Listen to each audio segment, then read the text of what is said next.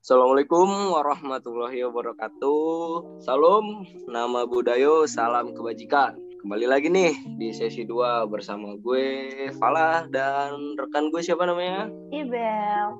Dan cadanmen kita nomor urut 2. Siapa lagi kalau bukan? Azwar. Halo, Assalamualaikum. Waalaikumsalam. Halo Bang. Gimana nih Bang? Kabar sehat kan Bang? Alhamdulillah baik baik. Kalian semua gimana nih kabarnya? Wis, alhamdulillah luar biasa, Bang. Kalau Masih saya tampan. sih sehat Bang. Kalau si Fala tuh katanya dia sakit tuh Bang. Katanya nggak bisa nyium ya? Waduh, Waduh. hoax aja itu, hoax aja. Oh hoax ya. Bisa nyium bisa. Nyium apa sih? bisa bisa ya. Sabi sabi sabi. Gimana nih Bel? Kita mau ngapain Ra. sih Kan kemarin kita udah kenalan kan nih sama Bang Azwar ya semoga aja sih ya udah pada kenal gitu. Kalau masih belum kenal bisa lah dikontak Bang Azwarnya tanya-tanya lagi setiap kalian kenalan gitu. Siapa tahu Kalau- gitu. Aduh. Kalau belum kenal ya Bang Azhar bisa kenalan lagi. Nah, Tapi nggak usah sih, pasti udah kenal lah. eh Insya lah Allah. ya. Kalau gitu mau ngapain lagi nih lah sekarang lah. Kita mau tanya-tanya santai tentang keadaan men nomor urut 2 ini Bel. Coba Iya, Bel, ya. lu tanyakan Bel. Iya, jadi di part 2 ini teman-teman jangan ke mana-mana ya, dengerin sampai habis karena kita bakal tanya-tanya nih sebetulnya kenapa sih Bang Azwar pengen jadi danman, terus Bang Azwar bakal Wow. jadi danman yang kayak gimana dan Wow. Jadi harus didengerin Wow. sampai habis ya.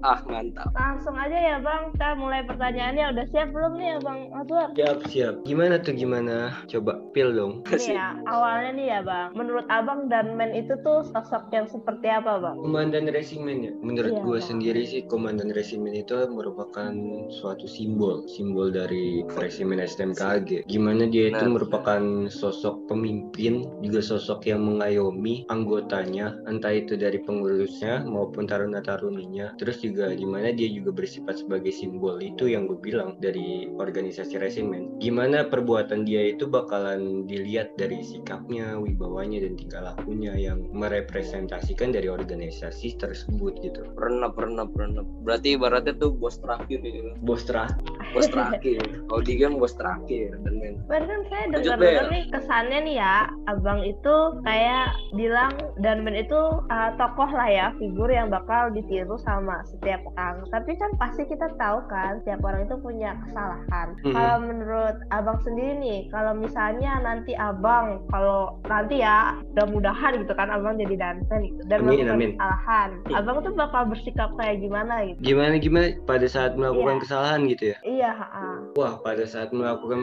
kesalahan yang pastinya kita mengakui kesalahannya dulu. Kita gentleman dong kayak ya, oh gue salah ya, gue harus ngaku dong. Kemudian juga kita meminta maaf kalau misalkan kita itu salah. Terus kemudian ya kita perbaiki lah kesalahan kita itu, jangan diulangi lagi. Intinya itu ya perbaikin. Soalnya banyak orang yang cuma minta maaf aja ya dilakuin lagi gitu kan. Yang Oh. pentingnya itu ya kita perbaiki kesalahan itu sih, buat biar nggak melakukannya lagi. Gitu. Oh berarti abang welcome ya. ya. abang welcome ya sama apa nih tanggapan-tanggapan dari luar ya bang? Iya bener lah, kita harus welcome juga. Kan gue bilang kan di sini juga Danmen juga harus mengayomi kan. Iya Betul. betul banget bang. Berarti salah satu mengayomi tuh kalau misalkan gua nggak punya uang jajan, lu harus mengasih gue ya bang ya. Mengayomi ya. itu Nggak gitu malah juga malah dong. kan mengayomi gimana sih? Kalau namanya kamu kelaparan. menjadi benalu falah kamu menjadi benalu. Oh iya, astagfirullah. Ya Karim, ya Karim. Lanjut, lanjut, lanjut. Lanjut lah. Nah, sekarang kamu yang tanya-tanya nih sama bang Azwar. Aduh, nanya apa lagi ya? Bang, nanti kalau lu kepilih nih bang, insya Allah amin ya, kepilih jadi danmen gitu bang. Hal pertama yang mau lu lakuin tuh apa bang? Hal pertama banget nih, Pertama banget. pertama banget ya. Misalkan gue jadi Danmen, pertama banget sih gue bersyukur lah, ya nggak sih Oh, bersyukur. iya betul. Semua kembali kepada Allah, benar. Iya, iya bener kan. Bersyukur Bener kedua ya, gue harus nyari pengurusnya lah. Siapa yang bakal bekerja sama sama gue dalam satu periode itu. Hmm. Nah itu kan penting juga tuh kan. Terus juga kemudian setelah setelah itu gue udah bentuk pengurusnya gue nyatukan mindset dulu ke mereka. Gue nyatukan konsep gue nyatukan mindset. Tujuan apa yang bakalan kita capai nanti selama satu periode ini? Kayak misalkan uh, kita juga gimana menyikapi masalahnya bagaimana kita bekerja selama satu periode ini gitu. Maksudnya gue di sini adalah kita menyatukan konsep menyatukan tujuan bukan menyatukan pikiran. Dalam artian gini pikiran ini kan kita beda-beda gitu kan. Setiap orang itu memiliki otak yang beda-beda gitu. Jadi kita hmm, gimana caranya? banget. ya cari irisan lah, irisan dari pemikiran-pemikiran itu supaya kita mempunyai konsep dan tujuan yang sama gitu sih. Yang paling penting adalah itu kita memiliki tujuan yang jelas buat berorganisasi itu untuk apa. Gitu lah. Mantep bener dah. Keren ya. Keren nih saya suka yang kata-kata tidak apa menyatukan konsep bukan menyatukan pikiran. Uh -uh. Tapi Bang saya mau nanya nih ya Bang. Yeah. Kan Indonesia itu negara yang berlandaskan musyawarah mufakat ya, bukan voting. Nah, menurut Abang sendiri kalau nanti nih terdapat suatu permasalahan gitu. Cara untuk uh, menyelesaikan menyatukan konsepnya itu abang bakal kayak gimana bang? Wah ini nih. Ini gue suka banget buat ngedengerin orang gitu. Ngedengerin pendapat-pendapat orang. Karena menurut gue pendapat-pendapat dari orang lain itu berbeda-beda dan memiliki apa ya memiliki tujuan yang beda juga gitu. Unik gitu. Jadi yang gue gue cara gue untuk menyatukan konsep di sini adalah gue tanyain nih. Gue tanyain buat uh, pengurus atau anggotanya nanti lu pengen gimana sih nantinya? gitu kayak lu pengen kerja gimana lu pengen gituin tujuan gimana. Setelah mereka menyatakan pendapat itu kita olah lah. Kita olah dia dari musyawarah mufakat itu. Sehingga nanti kita memiliki tujuan dan konsep yang sama sih menurut gua kayak gitu. Karena pikiran-pikiran orang lain kan beda ya dan unik-unik gitu. Kadang juga ada yang dia pendiam padahal itu kan pikiran dia bagus banget gitu. Karena itu gue suka banget tuh kayak gitu. Gitu sih. Benar benar benar. Mantep Keren lah. berarti abang ini bakal jadi pendengar yang baik ya bang buat apa sih uh, rekan kerja abang gitu ya bang? Yo iya bener. Soalnya gini loh sebelum kita pengen didengar orang lain kita juga harus menjadi pendengar yang baik dulu buat orang lain. Betul bang. Betul banget bang. Keren keren keren keren. Ini bisa nih lah dipromosikan bagi orang-orang yang sedang galau tentang apa pun. Bisa nggak ya ngechat bang Azhar dan minta pertolongan gitu. Eh bisa ini di lain dari cadangan. Mungkin bakat lainnya menjadi perusak hubungan orang nih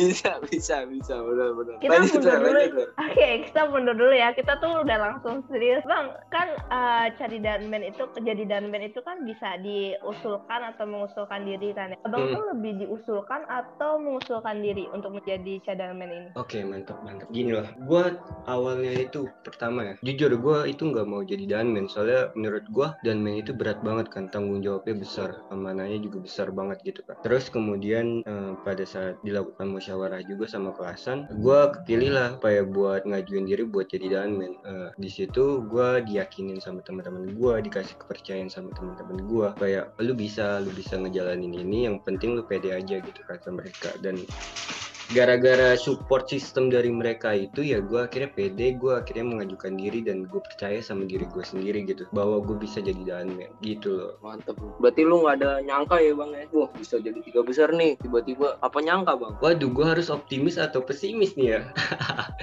Gue di jujur aja gue gue agak gini sih agak tengah-tengah lah antara nyangka gak nyangka gitu. Nyangkanya ya hmm. menurut gue gue bisa gue bisa ngelakuin yang terbaik. Yang gak nyangkanya itu ya kok gue bisa jadi uh, tiga besar ini gitu loh. Mantep banget dah. Tapi ya salah ya. Yang pasti nih abang kita ini walaupun dia tengah gitu tapi nanti kerjanya nggak setengah-setengah. Iya kan ya bang? Amin nah, bener banget bener. Kita harus ngelakuin yang terbaik lah. Kita harus bekerja keras dulu kan. Sama halnya yang kita lakuin ini ini kan kita kerja keras dulu buat promosi masalah akhir ya belakangan lah. Yang penting kita udah berusaha terbaik mungkin gitu kan. Iya betul bang. Soalnya gue lumayan banyak tahu kinerjanya bang Azhar di Humas Resimen tuh bagus. Karena gue waktu itu pernah jadi calon apa, apa sih tuh? lupa gue calon apa ya? Yang kedinasan kedinasan itu tapi nggak FMKI FMKI Iya, cewek sih enggak lah, enggak enggak. bagus, mungkin banget bagus. Mungkin gini lah, lu mungkin nggak tepat di situ tapi lu bisa tepat di yang lain gitu kan. Mungkin Masya lu lebih Allah. tepat di posisi apa gitu kan, bukan yang oh, gitu, iya, gitu. Striker kayaknya tuh. sabi sabi. Mungkin ya Bang Azur nih di angkatan kita nih tidak terlalu terekspos Cuma lu harus ingat satu hal, yang bekerja di balik layar itu lebih mematikan daripada yang terlihat. Kinerjanya itu bagus tapi tidak terekspos. Senyap anjay, senyap. Gimana Bel? Lanjut Bel. Oke, apalagi ya? Hmm, oh mungkin ini bang, kan abang udah tiga tahunan lah ya. Iya tiga tahun kan bang di STMKG kan ya bang. Hmm, benar-benar. Bel. Udah udah ngelihat banyak danmen kan. Nah menurut abang danmen danmen Waduh. terdahulu itu kesannya gimana buat abang sendiri? kesan ya kesan buat Danman terdahulu. Menurut gue sendiri sih Danman itu yang terdahulu itu merupakan sosok yang paling wah gitu. Gue pada saat ngeliat dia tuh pokoknya gue segen gitu kan. Pokoknya dia juga mempunyai kredibilitas yang baik juga mempunyai kompeten yang baik juga kan untuk menjadi Danman terus juga mereka juga udah berusaha sebaik mungkin untuk melaksanakan sistem ini kan. Untuk membenahi sistem juga. Makanya eh, di sini gue pengen jadi Danman gue pengen melanjutkan kerja keras mereka pejuang mereka untuk eh, membenahi sistem di STMKG untuk menjadi lebih baik lagi sih.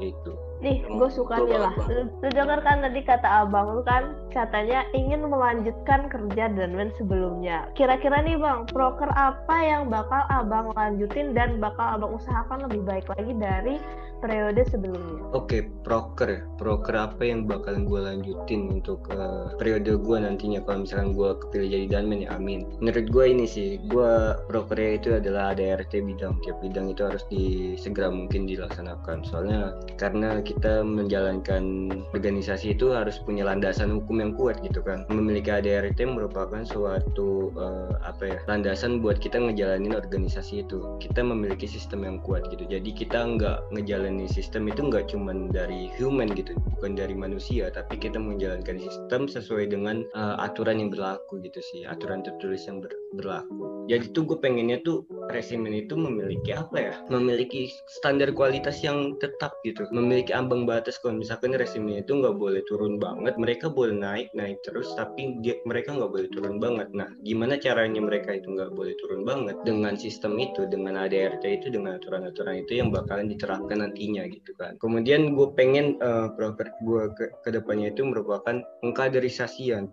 pengkaderisasian dalam artian di sini gimana caranya junior-junior kita ini lebih baik dari senior-senior ya. dalam artian gimana caranya mereka itu nggak cuman patuh terhadap aturan, tapi mereka itu bisa berkembang, berkembang dalam minat dan bakat mereka, entah itu akademik maupun non akademik dan juga entah itu dalam berorganisasi soft skillnya gitu kan. Gue pengen banget ngelihat eh, adik-adik gue nih teman-teman dari 2019 itu mereka aktif gitu, mereka aktif berorganisasi, mereka itu punya apa ya, punya niat, punya eh, suatu apa ya, suatu jadi gue pengen adik-adik gue, junior-junior gue, teman-teman gue dari 2019 ini eh, aktif dalam berorganisasi. Gimana caranya mereka itu kritis, kritis dalam sistem atau organisasi yang lagi berjalan gitu.